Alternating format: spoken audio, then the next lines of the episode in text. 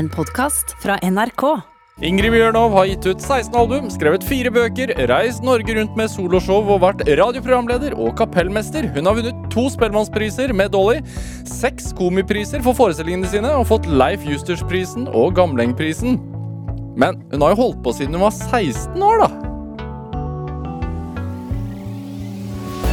Dette er Drivkraft med Vegard Larsen i NRK P2. Ingrid Bjørnov, Ja, varmt velkommen til Drivkraft. tusen takk, og takk for en, en utrolig fjong eh, introduksjon. Det var bare Det var egentlig ganske tørt. Det var CV-opplesning. Jo, men det var begeistret. Ja, det var begeistret Ja, fra min side. Ja, det skal du ha. Blir du begeistret når du hører, hører alt du har fått til? Uh, ja. Ja, og så ble jeg litt sånn mm, Litt engstelig. Nei, hvorfor det? Uh, Nei, fordi uh, man skal jo videre. Jeg kan ikke sitte og glo på en Spellemann fra 1980 resten av min tid. Kan ikke det. Nei da. Men jeg, nei, jeg er veldig glad, og det med Komiprisen er kanskje det rareste. Fordi musikken la jeg jo utpå. Ja. Men at jeg skulle bli humorist, det så jeg vel ikke komme før eh, etter 20 år. Har du aldri egentlig sett på deg selv som morsom, eller? Uh, nei.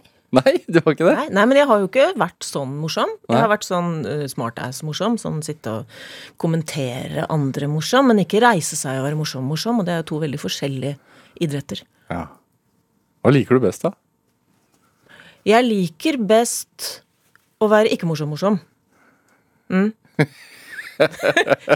Jo, men det er jo det samme det? som Det betyr at eh, jeg har mye større glede av å være den eneste tullehøna på en lang eh, klassisk festival. I en setting hvor man ikke forventer humor, Mm. enn jeg har av å være en av eh, seks humorister på et, en livesending eller en standup-sending på Latter. Mm. Selv om det også er gøy, så er det mye mer sånn ok, hva gjør de andre, hvordan er det sånn, skal vi se, er det flere som spiller piano? Altså da blir det mye Det er en helt annen type konkurranse. Ja. Derfor liker jeg best å være morsom når det ikke er så gøy. Skille deg ut litt. Ja, det er lettere å finne plassen sin. Eh, hvordan har du det? Ehm, det er jo en rar dag. Ja. Det har jo vært eh, litt av et døgn, litt av et start på året. Jeg har følelsen at jeg sitter i en sånn boble ute i Indre Østfold, der jeg bor. Ehm, Tomter. tomter. Bestille frø på nettet. Det er den tiden nå hvor du liksom du ser så mye nyheter du orker. Ja. Og så bestiller du frø på nettet og begynner å tenke på, på våren. Hva slags frø har du bestilt, da? Eh, ganske mye. Jeg har tenkt at eh, målet med 2021 sånn rent botanisk er å være selvforsørgende på basil basilikum. Um, og det vil si lyskasse. Det vil si at jeg kan begynne på badet nå. Jeg kjøper en sånn basilikumplante i butikken Det må du ikke. så å si annenhver dag. Ja. Du, jeg trenger Da må ikke du det. jafse nedpå på vei hjem. Nei, det går For mye. den, eh, ja, Ja. men da må, du, da må du ta den veldig fort. ja, fordi den, Det er mange som blir veldig lei seg. den dauer, ja. Ja, og tar det veldig personlig når de dauer. Men de, de plantene der, de dauer på vei til butikken, ikke fra. ja nei. Men hva er det Det er som å rive et, for tidlig født barn ut av kuvøsen og sette det i Sinsenkrysset. Altså å ta med en basilikum gjennom vinterkulda og hjem på kjøkkenbenken. ja, Tenk det hvordan den har hatt det, da. er det vanskelig å være selvforsynt på det, tror du? Nei. Nei? Nei. Har du vært det før? Eh, I- perioder. Ja? Ja. Hva, hva, får du ut av å raske ned i jorda? Eh, svært mye. Eh, jeg får eh, det er et, eller annet- Der hører jeg hjemme.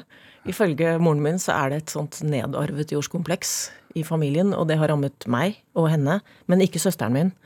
Og ikke et par av søstrene til mor. Så noen av oss får det, og jeg har fått det. Jeg liker lukten av jord, eh, og jeg har eh, enorm glede av å se ting spire. Og jo mer kaotisk det blir i Washington, jo flere frø bestiller jeg.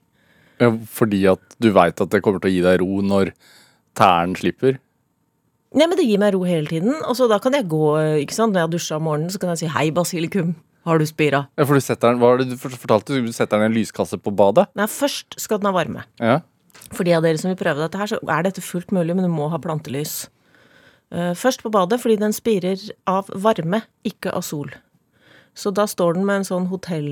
Da står den, den blir sådd i en eh, jordbærkurv. Uh, og så med en sånn hotelldusjhette over seg.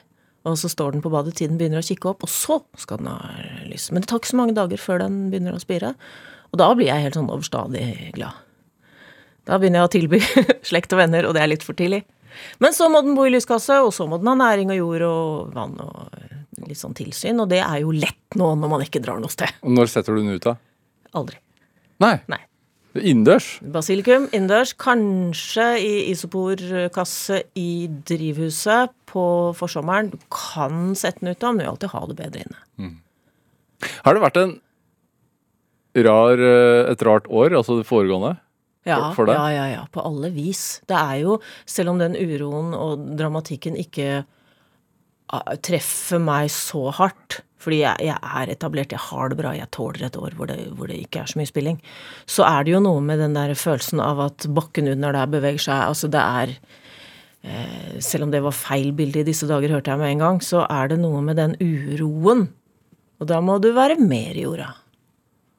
Jeg trenger det der. Jeg trenger det som en Og har egentlig visst det i mange år, og det er en av grunnene til at vi flytta. Det er at putt meg, sett på meg noen gummistøvler og gi meg en hagesaks i høyre, muligens en gin tonic i venstre, og send meg ut i åkeren.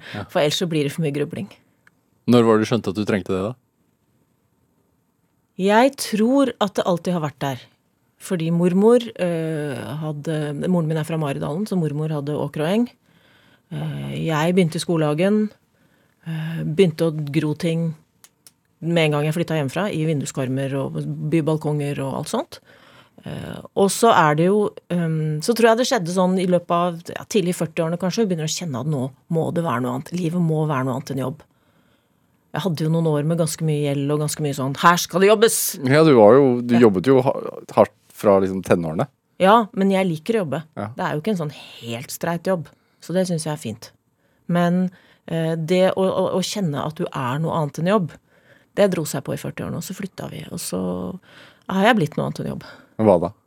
Jeg har jo blitt en sånn eh, eh, en grønn ting i forkleet. Hvordan ser det ut? Er, kan du fortelle? Hvordan ser det ut? Er det et småbruk, eller hva er det for noe? Ja, det er et Det var, eller det er fortsatt, et bitte, bitte lite hus plassert på 11 mål tomt.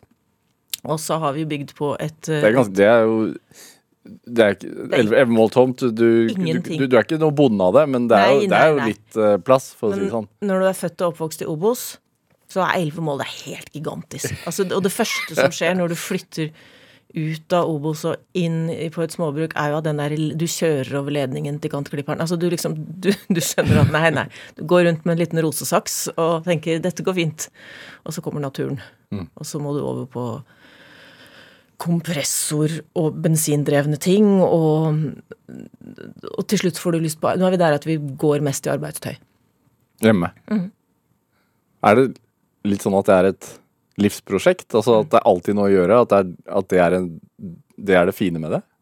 Ja, det er det fine med det, men det er også utfordringen med det. Fordi at du ser jo alltid noe som burde vært gjort. Hva er det som ergrer deg nå, da?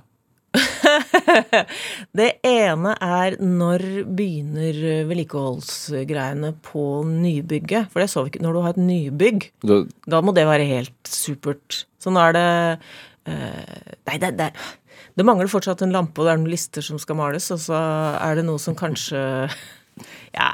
Nei, det er ikke farlig. Det er noen trær som burde felles, så er, jeg er litt redd hver gang det blåser. Men det er jo ikke jeg som drar hovedlasset her. altså Det er driftssjefen, altså Terje mannen jeg er gift med. Det er han som ble det han som han ble bonde. han, Gikk fra å være lydmann. Nei, han ble Ja, men han ble Han ble ikke bonde, men han ble hans indre vaktmester. Altså, han, han knurrer når de kjører biler over tomta. Altså, hans Han ble en annen han når han fikk traktor og, og bevernylon. Ja. Men han var jo en sånn produksjonsfyr. Altså, Terje har vært en sånn Først lydmann, så turnéleder, og så sånne store produksjoner i Spektrum. Mann med walkietalkie, to poser peanøtter i lommene og fire par sko gjennom helgen. Ehm, til han røyka 60 om dagen. Og ja. Så, så, så det var jo en grunn til at disse to litt skakkjørte kulturarbeiderne trengte å flytte på landet. Hvor langt er det til naboene? Nei, det er vel ikke Den nærmeste naboen er det bare kanskje 100 meter til. Ja. Ellers så er det flere hundre meter. Hvem er dere for naboene deres, tror du? Eh, en av de fleste som er innflyttere. Eh, litt rare, selvfølgelig. Eh, litt luksusdyr, fordi at vi prøver jo ikke å leve av dette. Så vi må jo ikke opp og mate dyr søndag klokka sju.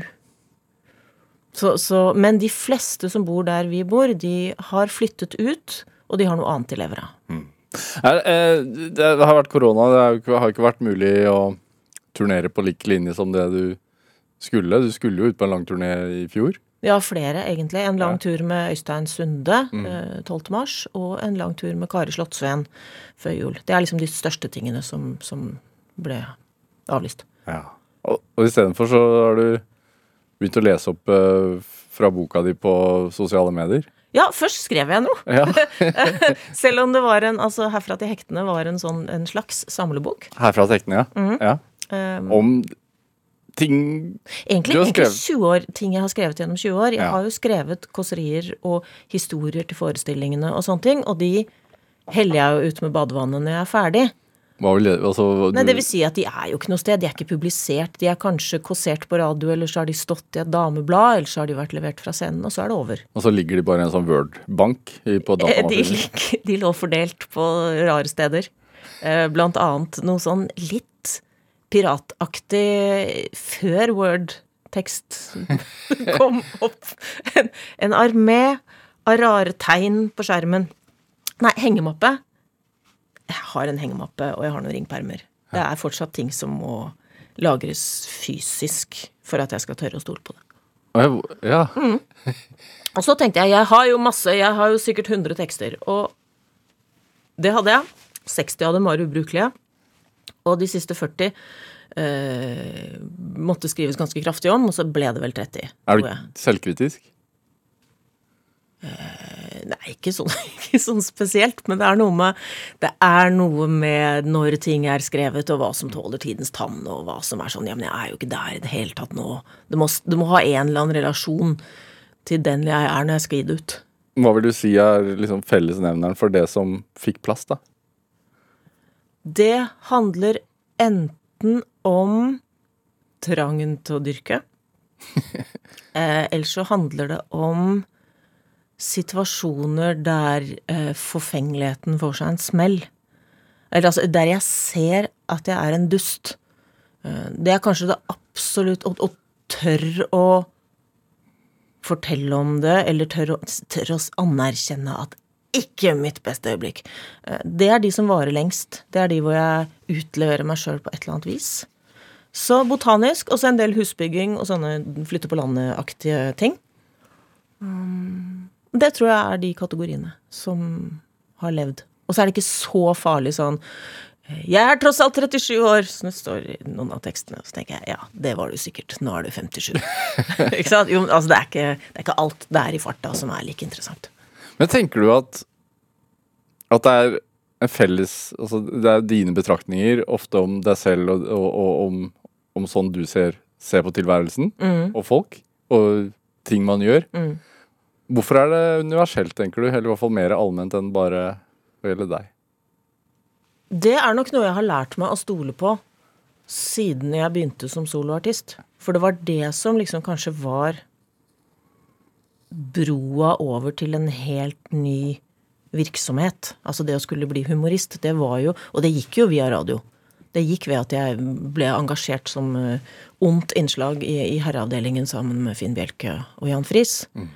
Og det øyeblikket du for første gang um, For det første kan snakke med vanlig stemme og komme i de klærne du sto opp i, hvis du vil.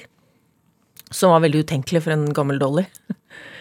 Eh, og så er det det at du får tilbakemelding. Hva måtte du komme i som en Som en dolly, som så en dolly? måtte du jo forsøke å gjøre litt inntrykk på omgivelsene. Nei, men når du, når du skal bli eh, Når du har til intensjon å prøve å bli popstjerne, da skal du jo helst ha enten spille fortere, synge høyere eller ha rarere hår. Akkurat der syns jeg jeg har gjort en innsats, men, men men det er noe med at som artist så skal du ha karakter og egenart, og, og, og når du er ung, så skal du, du skal stemme med tiden, og det er, det er, den, den smørbrødlista der er lang og, og krevende. Og det å da plutselig oppdage at det er de ah, andre sidene hvor jeg merker at folk kjenner seg igjen, og det var helt eh, det, det med direktesendinger av alle slag, rødlys, altså livesendinger, hva enn det er, det er jo det livet for øvrig også er. Det er der jeg kjenner at oi, dette kjenner folk seg igjen i, og dermed så fikk jeg bygget opp en selvtillit på at vet du hva, hvis jeg reagerer på noe, eller ler av noe, så er det flere av meg. Jeg representerer mange, og det er min Det, er, det skal jeg ta vare på. Hvordan jobber du frem liksom din Fordi du ser jo på Ser jo på ting med et finurlig blikk, og, Ja. og har morsomme Du vrir og vender på ting og ser ting fra en litt annen vinkel. Ja, kanskje. Hvordan, hvordan jobber du det frem? Jeg tror at kanskje akkurat det med å vende og vri, det er mer en sånn Det er et resultat av en, både av en familie og et miljø. Altså, jeg kommer fra en tullete musikkfamilie som liker å snakke baklengs og, og løse kryssord og ja, gjøre sånne ting. Dyrke. Eh, og så hadde jeg jo fordi selv om Dolly var voldsomt, og det var tidlig, og det var masse, og det var flott, og det ble dyrt, så fikk jeg jo utvikle en rolle Altså, jeg fikk på en måte være litt i fred, fordi Benikte Adrian tok så uh, mye frontansvar. Og det er jo egentlig da jeg fikk utviklet liksom litt sånn musikant Sitte i bakgrunnen og komme med litt kjipe kommentarer. Um, Hvordan var det egentlig? Ja, det var fint, det. Ja. Uh, fram til Altså, det var ikke alltid det var fint når det så ut som det var fint, men det å få en For det første få deisende en, en livsvenn i, i sandkassa fordi hun flyttet inn i huset ved siden av, fysisk på Oppsal, da, da jeg var to. Og egentlig få en søster til, på en måte. Um, og så det å få en få napp på en karriere når du er 15-16 og faktisk få lov til å Jeg tror du kan sammenligne med å bli oppdaget tidlig som fotballspiller. ja. Så er du kanskje skadd på en litt annen måte når de heller deg ut igjen når du er 30, men, eh, men det å Hvordan er man skadd, da? Du blir ikke- voksen lenge før de andre. Du, har ans du får ansvar. Du skal på Momarken i helgen, og du skal på Grand Prix på lørdag, og så har du dobbelttid med gym på mandag, og så skal du late som ingenting fordi at du Du skjønner ikke hvordan du skal håndtere det å øh, skli inn sosialt på skolen og privat, men øh, prøve å være kongen på haugen på jobb. Det er jo en pussig kombo. Men uh, man lærer seg jo det etter hvert også. Og så er det annerledes. Alt det er helt annerledes nå. Og alt det ble også helt annerledes det øyeblikket jeg følte at jeg var en uh, en representant. Da løser det seg. En Representant for hva? For damer på 57 som bestiller frø på nett på Det natta. er det, det er det du er Det er nå? der jeg er. Det er der du Ja, er nå? og hvis jeg, jo, men jeg følger mine, jeg prøver å følge mine egne. Ja. Og det er flere retningslinjer enn det trenger jeg egentlig ikke. Jeg synes, jeg, vi må høre litt uh, tidlig musikk. Ja, gjør det. Uh, vi har låten 'Under snø' her. Ja, det er hyggelig. Fortell. Eh, Under snø er vel en av de aller første sangene Benedicte og jeg skrev sammen. Og da skrev vi sånn sammen, sammen. Og hvor, hva, hvor tidlig er det snakk om? Da er vi i 1979.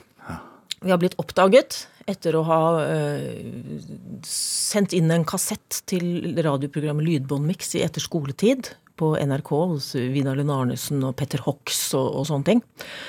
Så har vi blitt nummer to uh, i talentkonkurranse på Grorud, på Den gylne elefant. Hva drømte dere om? Nei, med ABBA. Jeg fikk jo ABBA midt i fjeset da vi var tolv, så det, sånn var det. Og Benedicte sang, og jeg spilte, og rollene var satt. Altså, så, så dette skulle og ville vi, og så fikk vi den starten. Og det første, og vi ble oppfordret til å skrive selv, for det var 1979, altså 70-tallet. Kordfløyelen hang over den tiden fortsatt. Hva betyr det? Det betyr at Jeg husker ikke om det var 77 eller 78, hvor det var sånn alternativ Grand Prix-sending hvor ingen skulle pynte seg. Ja. Ikke sant? Det var teit med koredamer, og det var altså det det der med troverdighet og visebølgen preget fortsatt hva det var i orden å gjøre. Vi, hadde, vi var ikke rosa i 1980, vi. Men skulle ikke du bli en klassisk pianist, da? Jo, men det, eh, det, det sprakk da jeg hørte Benny Andersson. Men det som er fint med Under snø, da, for, for å sånn Siden man ser tilbake på det, ja, Ja. det er at den er jo organisk og godt produsert. I Scannac Studio i St. Olavs gate i Oslo. Eh, Vi har gamle Popul Vu, eller Populace-bandet, altså Pete Knutsen som arrangør, Arne Schulze, Tore Andreassen, det gamle bandet til Jahn Teigen, for de som Og så videre. Um, som er så eh, vanvittig bra. Vi bruker masse penger, bruker opp alle smurfepengene på å lage Dolly, fordi eh, eh, Ole Sørli og Paul Carlsen hadde gitt ut smurfene og tjent shitloads med penger på det, og de brukte vi. Og resultatet er første akt, som ikke er så verst. Og der er Så jeg representeres godt av min bit av Under snø. Ja. La oss høre, da. Hvis du ikke syns jeg skal si litt mer først.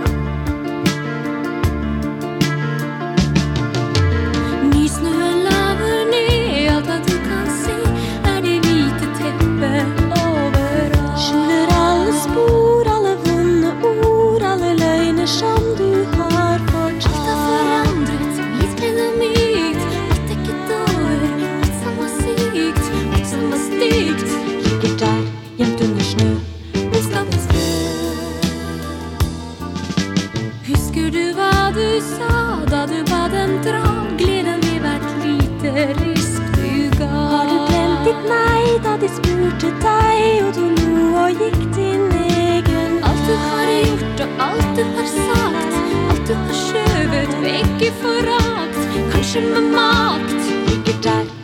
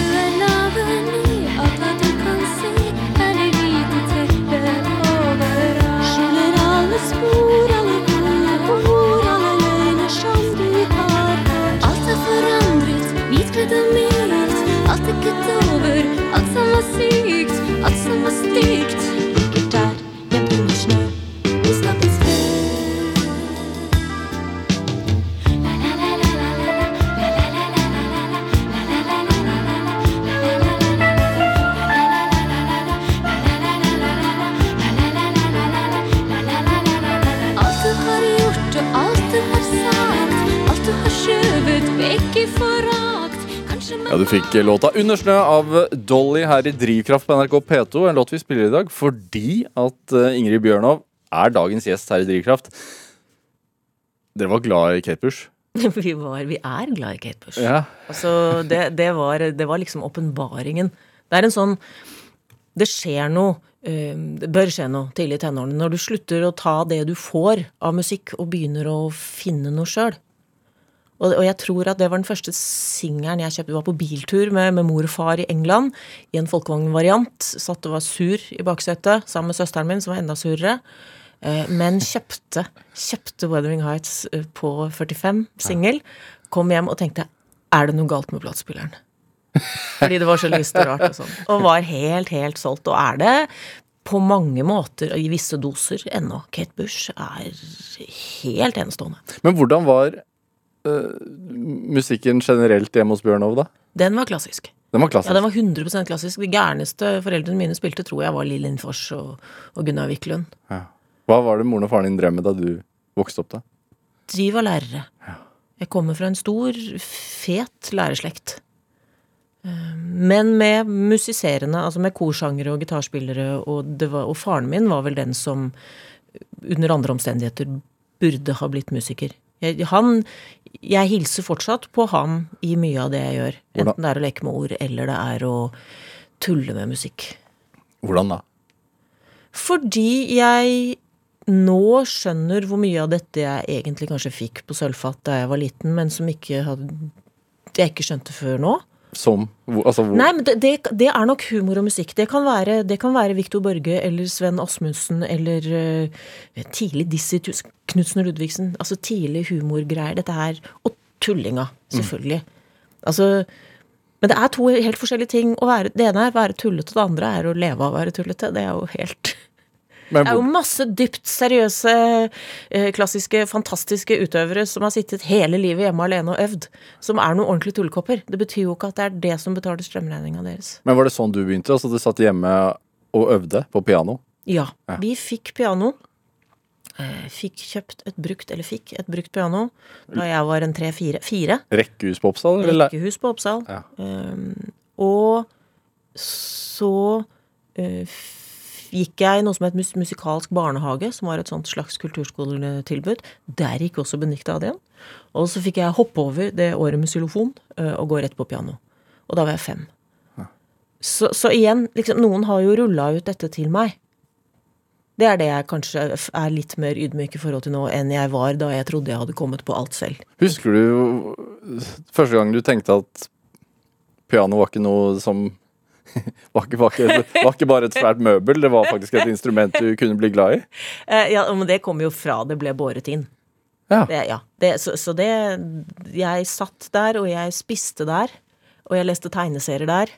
Eh, så, og jeg løp hjem fra skolen i håp om å være litt alene hjemme. For dette sto jo da en sånn liten stue hjemme, og jeg spiller jo ikke så, sånn forsiktig og nennsomt. Ikke sant? Så jeg dundra jo Jeg fikk jo ikke lov til å spille så mye som jeg ville. Hva var, det, hva, hva var det som trigget den interessen i så ung alder, tror du? Jeg tror at det bare var å få konkretisert all den musikken som kanskje hadde vært rundt meg og hadde blitt sunget for meg eller spilt for meg. Det, det er bare sånn Ja, her skal jeg, her skal jeg være. Men som merker, altså Du merka allerede som femåring at du hadde musikk inni deg, liksom? Ja, ja, det tror jeg. Det føltes i hvert fall helt naturlig. Det var ikke noe å lure på. Men det er klart, det skal komme sammen med noe. Hvis du er god til noe, så skal noen enten plukke det opp, eller du skal få deg en fin lærer, eller Det må jo skje noe samtidig, og det er jo der denne første pianolæreren og Hvem var det, da? Det var tante Anita. Eh, Anita Vågene. Hun favnet hele Oppsal og trass på store deler av Heller, og til og med også Tveita, tror jeg. Eh, Som var bare en helt, eh, helt magisk musisk menneske som Og hun var tante for oss alle. Til jeg var tolv, tror jeg. Hva, hva, det, hva skjer med deg når du spiller? Eller hva skjedde den gang som du, som du, som du gjorde at du ville sitte der, og at du løp hjem fra skolen for å sitte der aleine noen timer? Og... Det skjer et eller annet, det skjer, og det der skjer ennå. Ikke nødvendigvis når jeg opptrer eller holder på med noe som er målrettet, men når jeg bare setter meg ned og øver, så, så, så, så parkerer jeg hjernen der. Det er ikke sånn at hodet går så mye som det har en tendens til å gjøre ellers. Nei, men kanskje vi heller skulle kjøre en vaskemaskin. Altså, det er mye sånt i skallen min. Og når jeg øver, øhm, s- så det, det har en sånn meditativ virkning. Og særlig hvis jeg spiller sånne ting som Bach, eller ting som er litt systematisk. Så, så det tar Jeg tror det kanskje Det er ikke det samme som åkeren, men det ligner. Fordi det er, da er jeg bare der. Og jeg har også Vi har gjort det såpass nennsomt i det nybygget på tomter at når jeg spiller flygel, da ser jeg ikke skrivebordet mitt. Og det, er, det anbefaler jeg alle. Så jeg ser ikke eh, realitetene. Og jeg har også noen sånne skyvedører foran, foran alt skrotet og alt det jeg burde gjort, og printeren og Sånn at jeg ser fysisk ikke realitetene når jeg spiller piano. Stenger deg inne på et vis sammen med Ja, musikken? ute. Ja, sammen med musikken. Og så har jeg utsikt til drivhuset. Og hestene til naboen. Er det Utsikt er fint. Og ikke minst nå, ikke sant. Jeg tenker på alle de, alle de som sitter hjemme med hjemmekontor og små barn og alt dette her, og står i kø for å gå i matbutikken og sånn. Det er et oppslag på, um, på postkontoret på Tomter, uh, som vi har post i bibliotek. Uh, og der står det at det bare er lov å være én av gangen inne på postkontoret nå. Og vi har bodd der i 13 år, og jeg har aldri sett mer enn én inne på det postkontoret. Altså, det er jo noe med at det er veldig lett å være i, en, eh, i et selvpåført isolat på tomter på et småbruk. Så alle de tinga virker jo i min favør, eh, selv når turneene detter og spillejobbene velter og, og inntektene uteblir. Jeg leste at det var noe et oppslag på en eller annen nettavis nå at 10 av oss, jeg vet ikke om det bare gjaldt storbyen eller bare gjaldt Oslo eller om det var hele Norge, men 10% ønsker å bytte bolig nå pga. koronaen. Det er så mange. Ja, det var, ja, ja. Men det er jo også noe med at er ikke også småbruk et helt uh, utrolig høyt uh, søkeord? Jeg tror det på Google, at, liksom le, at hvor mange som sitter og ser på småbruk Altså, jeg har vært utrolig heldig som sitter der ute nå, når, når verden raser. Altså bestiller frø. Men hvorfor tenker du at altså det er, jo, det er jo langt unna et fellesskap. Det er langt unna folk. Er det det? er det det? Jeg, jeg vet ikke, jeg. Jeg ville kanskje ment det For 20 år siden ville jeg kanskje ment det. Men det er 37 minutter med tog. Jeg veit ikke. Hvor er det fellesskapet? Er du så mye Går du så mye ut som du gjorde for ti år siden? Det er gøy, ikke sant? Jeg har Og er- to, to bitte små unger, jeg går ikke ut et Nei, sekund. og, og vi hadde også en sånn eh, Og vi var jo der, begge to. ikke sant? Vi var i bransjen begge to. eh, Og vi måtte løpe løpe hjemom og spise, og så løpe ut igjen på jobb. Um, Så det er klart at det er jo fordi det har gått bra med de forestillingene mine at vi kunne gjøre dette her. Mm. Og fordi Terje kunne tenke seg en annen tilværelse. Men eh, det er et faktum at det stedet vi treffer flest kolleger, eh, det er på VVS-messa på Lillestrøm. Der møtte vi en gang fire trommeslagere. Det er gøy. Så, så dette, dette livet folk er redd for å ikke være i nærheten av. Men for all del, jeg, jeg må ha asfalt under beinet, og det kjenner jeg på nå. Jeg kjenner at eh, Jeg pleier å være mye mer i hovedstaden. Det er jo en begivenhet nå i dag, ikke sant? Byklær. Uh, og, og, og, og det å reise til storbyer London Jeg har begynt å bestille ting på nettet fra de butikkene jeg pleier å gå i London. Så, altså, så det er et sånt sug, men det er ah, Som kanskje, som kanskje ikke hadde vært der hvis det ikke hadde vært eh, utilgjengelig. Jeg hadde i hvert fall tatt det som en selvfølge. Ja. Men da er du tilbake til at vi kjenner på hvor godt vi har det. Hva spiller du da når du går inn i og stenger døren og, og bare er sammen med flygelet uten å jobbe? Da spiller jeg uh, Chopin. Eh, fordi han har etyder som, hvor du ikke skjønner at det er etyder. Eh, jeg spiller Bach på 50. året, tror jeg. Prøver å plukke opp andre ting. For det er klart at jeg har ikke noe sånn større utvikling som pianist. Er det, er det litt sånn at hvis mannen din kommer hjem og Hvis det er liksom én spesiell Bach-låt som går, så vet han OK, Nå er hun der. er hun der. Ja, han vet når jeg lukker dørene um, inn til kontoret, men jeg har også grepet ham med å gå med sånn Fordi han driver med så mye sånn motorting nå, så går han jo veldig mye med sånn støy. Eh, Han går veldig mye med hørselvern. Og, og jeg griper ham jo av og til i å gå med hørselvern også når han ikke har startet noe med motor. Og da er det jo bare én mulighet til hva det er som kan ha forstyrret ham, og det, det er kona. Så dere to aleine der ute, så går han med hørselvern. Ja. Det er, eh, det er bare å det er bare å anerkjenne det. Akkurat nå er jo også han akkurat nå er han på hytta, som er veldig nære. Eh, Og det, vi drar på hytta, for det blei så kaldt og fint. Og så dro jeg hjem igjen. Og vi snakker ikke mye om det, men det er fint å være litt hver for seg også. Det er lov. Dette er Drivkraft med Vegard Larsen i NRK P2. I dag er eh, musiker og forfatter og ja, masse, masse annet også. Ingrid Bjørnov her hos meg i Drivkraft på NRK P2. Eh, det er ikke så mange år siden du virkelig kjente på det å være i live. Tenker du da jeg ble sjuk? Ja. ja. Nei, det var jo eh, det, var- det, det var brått. Det kom brått på. Jeg fikk kreft. Ja. Tre og et halvt år siden. Er det Er det litt sånn som jeg stilte spørsmål Altså, Kjenner man mer på å være i live da, eller kjenner man at man Først kjenner man på at man skal dø, Ja. eh, for det er det eneste du tenker på. Eh, Og så skjønner man at her har de mange andre triks å tilby. Eh, Men det er et før og etter. Absolutt. Hvordan da? Fordi jeg trodde at alt skulle bli borte. Og tenkte at jeg trenger ikke jeg trenger ikke at alt, ikke ta fram alt dette. Jeg trenger ikke, Og jeg sto i åkeren da jeg fikk den beskjeden. Da, da fastlegen ringte og sa det var en dårlig føflekk, så hei alle sammen. Ta en tur til fastlegen med den rare føflekken. Nå! Uh, og du kan facetime med fastlegen, så kan du vise på internett så kan du vise den flotte føflekken din som har blitt litt rar. Men gjør det. Um, fordi du, du tror at nå er det over. Og alle alternativer til at det er over, de er du da mer i stand til å ta imot. Men, men dette ligner jo på Når jeg nå er liksom ikke sant, Nå er jeg frisk. Sånn teknisk sett er jeg ikke frisk, men i, praktisk og mentalt er jeg frisk. Jeg tror du må være frisk lenger enn jeg har vært før det heter frisk. Okay. Ja. Men jeg får ikke behandling, eh, og jeg har fine kontroller. Det er frisk i mitt hode. Um, men dette er jo den samme Hva skal jeg si, da?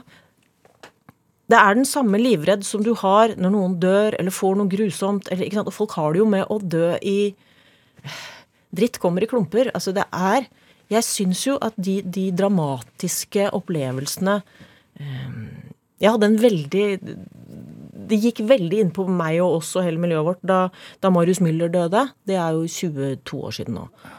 Uh, og um, Og da døde det flere andre samtidig. Altså artist og gitarist Marius Müller. Ja.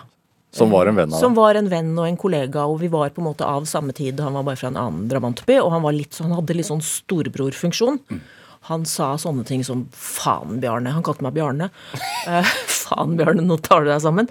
Og det kan jeg høre ham si ennå. Så han har jeg på en måte med meg. Men da Det, det, det døde flere andre i løpet av et halvår.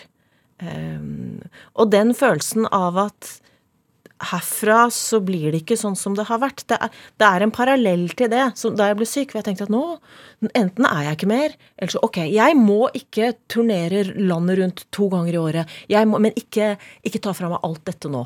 Ikke øh, Jeg tåler Jeg tåler at det blir annerledes, men jeg tåler ikke at alt er over. Og den sitter i. Den sitter i litt på den måten at um, av og til rundt kontroller og sånn, det å lære seg at kontroll er bra Kontroll er ikke dommedag. eh, Men av og til så blir kroppen redd. Hvordan merker man det, da? Den begynner å riste, og den begynner å gråte, og du tenker hjernen sier Nei, men hva er dette for noe, da? Dette er vi da ferdig med. Eh, Men så har kroppen sin egen hukommelse. Kroppen har en slags fysisk hukommelse. Men nå, hvor det liksom har vært veldig stabilt og bra i kanskje to og et halvt år, så oppleves det også som en slags oppstrammer. Fordi det, det, det der med å ikke, ikke kaste bort ikke kast bort eh, tida di, ikke, ikke sos bort dagene, ikke stress deg av på ting som ikke egentlig er noe. Du blir jo så skjerpa når det står om liv og død. Du får en sånn klarhet i hodet. Og den er det verdt å ta med seg videre. Nå snakker jeg ikke om sånn panikk og frykt og alt det der, men jeg snakker om den derre Ja, når det skjer noe fælt med noen du kjenner, og du vet at ok, du tar den bilen der sånn, jeg gjør sånn og sånn, så ringer vi han, har du penger? Fint, ja, ta taxi. Kan vi Sånn. Den delen av huet, den virker bare når det er farlig. Og den renser bort mye tøys. Mye sånn skal vi sette vaksinen i høyre eller venstre arm, skulle vi hatt den fra en annen produsent, burde vi begynt å vaksinere på tirsdag eller torsdag? Altså sånne ting som Et slags overlevelsesinstinkt, da, som Ja, men det rydder. Mens Det, det rydder. Hvis du ikke har noe ordentlig problem, så drar du på deg en haug med små. Du blir ikke så irritert om toget er litt forsinka. men du mister det fort igjen også, og det tenker jeg at Ja, for er det ikke litt sånn da, at man at, at man har en tendens til å glemme Ja, og det er jeg spent på i forhold til korona. Jeg er spent på hvor fort vi glemmer hvordan det var. Fordi selv om vi tror at det ikke blir helt som det var, så kommer det til å ligne veldig.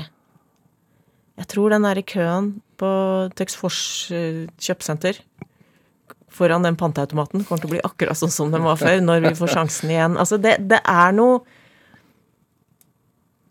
Og det er noe bra med det også, at vi, er, at vi har litt dårlig hukommelse. Fordi at det er ikke alltid den der katastrofen kommer den veien du trodde. Jeg har aldri vært redd for kreft. Jeg kommer fra en familie med litt sånn øh, Litt psykisk helse på den ene siden, og så litt sånn hjerte og kar på den andre siden. Og alltid tenkt at ok, én av to, eller begge. Uh, og så kommer kreften Ja. Ikke sant? Og tenker hva, hva, hva var det?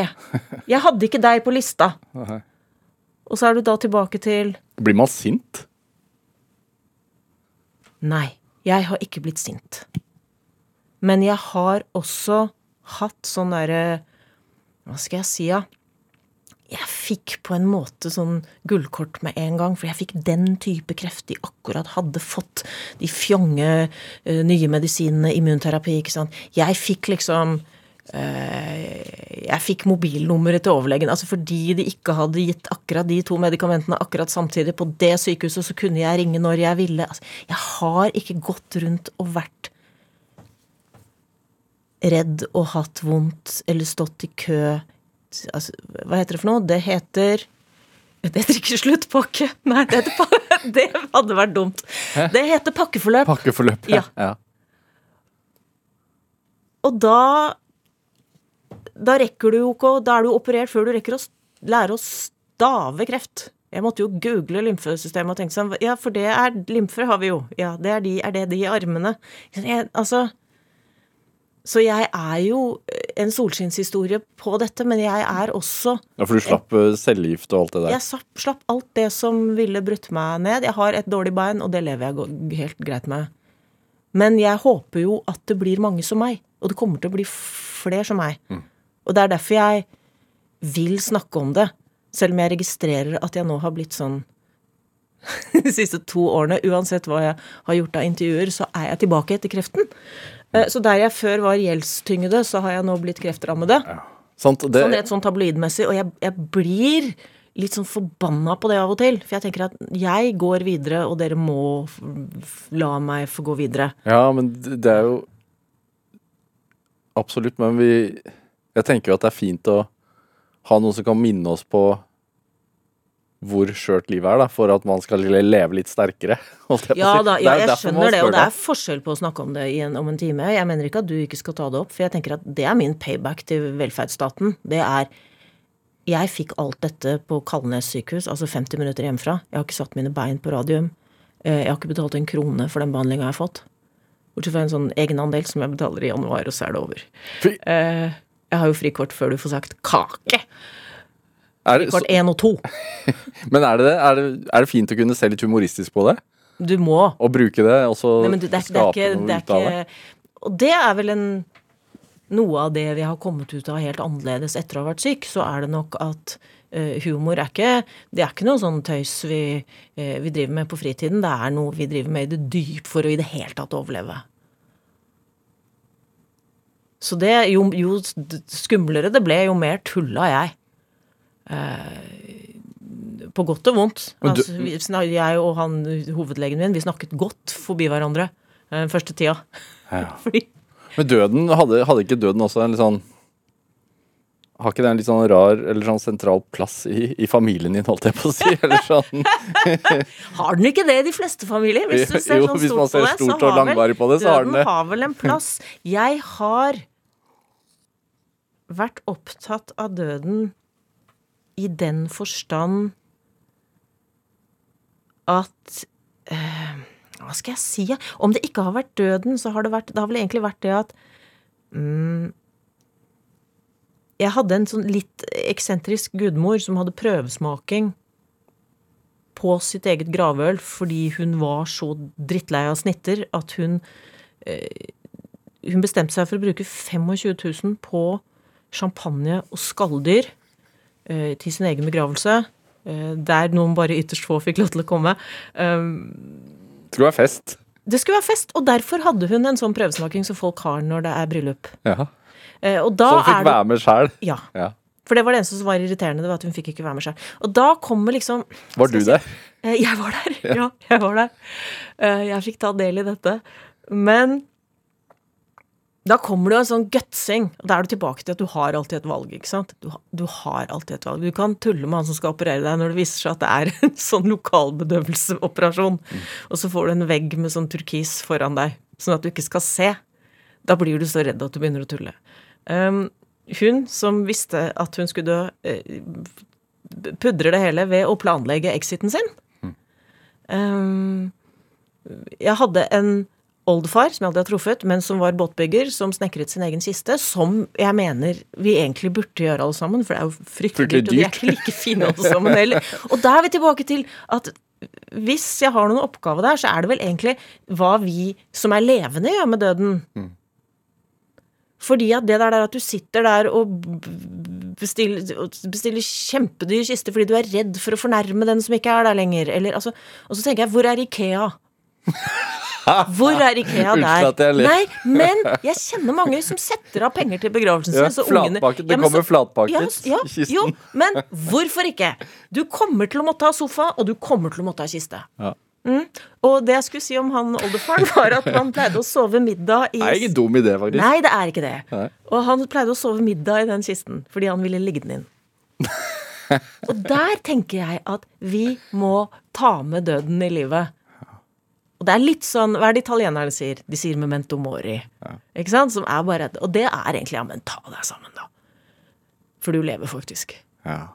Ehm, vi må spille litt ny musikk. Ja, kjør på. Og når du sier sånn Når du snakker om det å planlegge ting, at det er vanskelig å Man går jo og planlegger ting, og så plutselig så rammes man noe. Vi syns vi skal spille låten 'Eksempler på ting jeg har planlagt'. Ja, det ble en hel forestilling, det. Ja. Det var egentlig med utgangspunkt i at jeg fikk alle de gamle norgesglassene til moren min da hun skulle flytte på ett plan. Og så var det da ambisjonene om hva jeg hadde tenkt å fylle de eh, glassene med. Det var et av disse øyeblikkene. Øyeblikk i livet du plutselig innser at du står ved et veiskille. Jeg befant meg på loftet i mitt barndomshjem sammen med moren min, som skulle flytte på ett plan. Nå skulle vi rydde, sortere og fremfor alt kaste, og jeg hadde virkelig stålsatt meg. Det holdt ganske lenge, men så kom hun altså mot meg med favnen full. Vi var midtveis i et flyttelass da hun tilbød meg sine norgesglass. Vil du ha?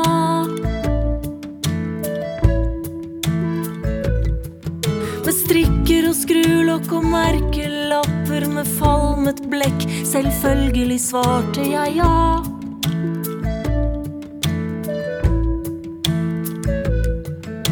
Jeg så for meg en kjellerbod med syltetøy i overflod. Så snek jeg meg hjem og tenkte hvor skal jeg hjem med dem?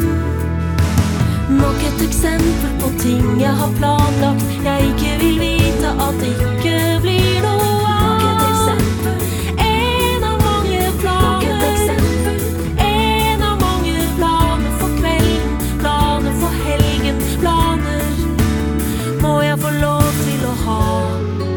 til mor fikk jeg også sikret meg svennestykket til bestefar. Min bestefar var nemlig møbelsnekker.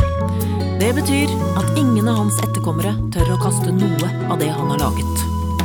Tallerkenhylla til bestemor har sovet ute siden august i fjor. Den var en gang blå.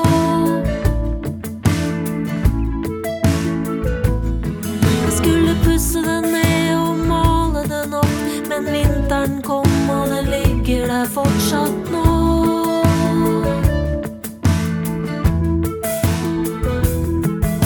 Den tittet frem da snøen gikk. Alt den trenger nå er en fyrstikk. Arvegods til pinneved. Det verker i mitt slektstre. Nok et eksempel på ting jeg har planlagt jeg ikke vil vite at det ikke blir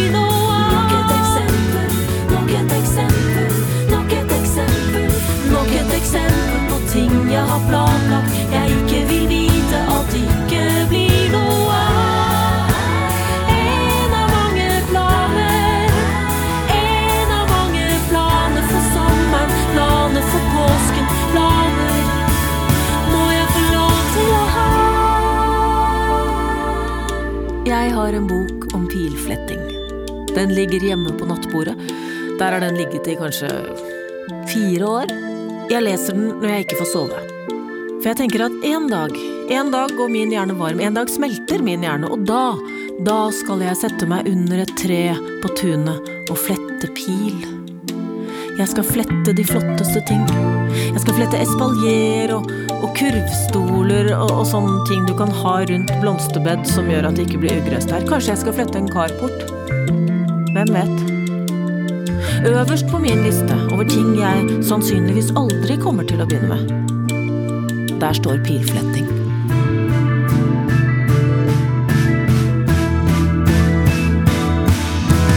Nok et eksempel på ting jeg har planlagt Jeg ikke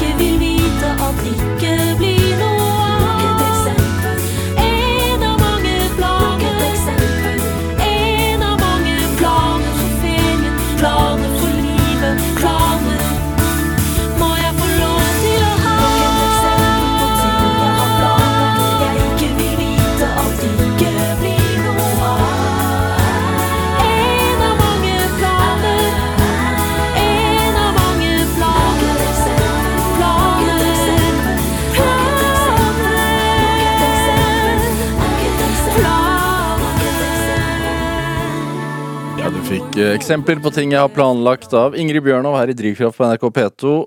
En låt vi spiller i dag fordi Ingrid Bjørnov er dagens Drivkraft-gjest. Hvorfor har vi en tendens til å planlegge masse greier Mm, fordi vi som vi aldri har tenkt å gjennomføre? Fordi at det er så deilig å begynne på nye ting. Det er så deilig å begynne på nye notatbøker og nye kalendere og uh, nye greier. Nye strikketøy, uh, nye potteplanter, nye drivhus. Um, og så er det noe dritt å innse hvor lang tid det tar å gjennomføre. Og så tenker jeg av og til at, og det var egentlig hele ideen med 2012-overtyren, som var en forestilling, den var at er du nødt til å straffe deg selv for det du ikke fikk gjort ferdig sist? Og hvor i opptatt ekteskap? Altså, jeg kjenner jo mange som har nye samboere eh, som de A. ikke vil gifte seg med, B. de vil ikke ha barn sammen med dem. Eh, de elsker dem høyt, men det gikk såpass gærent i første runde at det vil de helst ikke. Eh, og da mener jeg at du er, nødt til å, du er nødt til å tørre å tro på det du selv planlegger. Selv om du ikke får gjort noe med alle de norgesklassene. Men nå har jeg gjemt dem et sted i garasjen hvor driftssjefen ikke finner dem. eh, Så nå tror jeg at de blir. Har du trodd på planene dine hele veien? Jeg tror alltid på starten, men jeg står jo til knes, altså. Og, og, og den boka, altså 'Herfra til hektene', som bare skulle være en sånn lett liten utvalg av tekster fra 20 år, ikke sant. Altså, jeg satt jo og skrev som Merran blinde i to måneder. Der jeg trodde jeg bare skulle nappe fram elegante små kasserier fra fortiden og binde dem pent inn og ta et vakkert bilde. Så jeg har vel kanskje Jeg prøver, og dette har jeg fått, har jeg fått sånn hjernehjelp til. Jeg prøver å, å kanskje velge litt færre ting. Eh, Men, eh, men notatblokkene mine får du aldri. Altså, de fyller jeg absolutt hele tiden med alt det jeg skal. Og sånne huskelister på mobilen som jeg aldri sorterer. Er det så Vi begynte denne timen her med at jeg oppsummerte deler av din CV, og den er ganske rik. Hva er hemmeligheten for å gjennomføre? Mm, Det er nok at du får at du har flaks med de folka rundt deg. Enten det er eh, ektemann, familie, eh, management, eh, advokat med høye slagstøvler. Det er nok at du får noe får et, At du er heldig med de du har rundt deg, sånn at du har et apparat som hjelper deg til å gjennomføre. Og jeg tror nok at det at jeg fikk oppleve å gjennomføre allerede da jeg var 15, ved at en halv sang kunne bli hel, og den kunne bli utgitt på plate Dæven, der står det en Spellemannpris. Det har, ja, nei, men det har gjort noe med realiseringstroen min. Jeg tror at ting blir noe av. Selv om det ikke ble Musikkhøgskolen, og selv om jeg ikke ble Wolfgang Plagge, så var det noe annet. Og det er også, jeg prøver jo å hekte meg på det nå når jeg hva skal jeg si, livestrømmer istedenfor å eh, reise på turné, eller skrive bok istedenfor å spille, eller altså Et eller annet sted så er det noe som en eller annen kork som flytter opp. Sats på den. Tror folk, så syns du folk bør si det litt mer til seg selv? De bør Åh, Det er så veldig lett for meg å sitte der ute i et svært hus og mene hva andre skal gjøre. Altså. Så jeg er ikke sikker. Men, men, men tenk at det kan bli noe annet enn det du hadde tenkt. Det er ikke sikkert hele familien det- det- du, Hvis du har, har noen og hadde lyst til å samle annen juledag, så ta og så sett andre, ta si andre juli, da. Og så kjører du ribbe og akevitt da.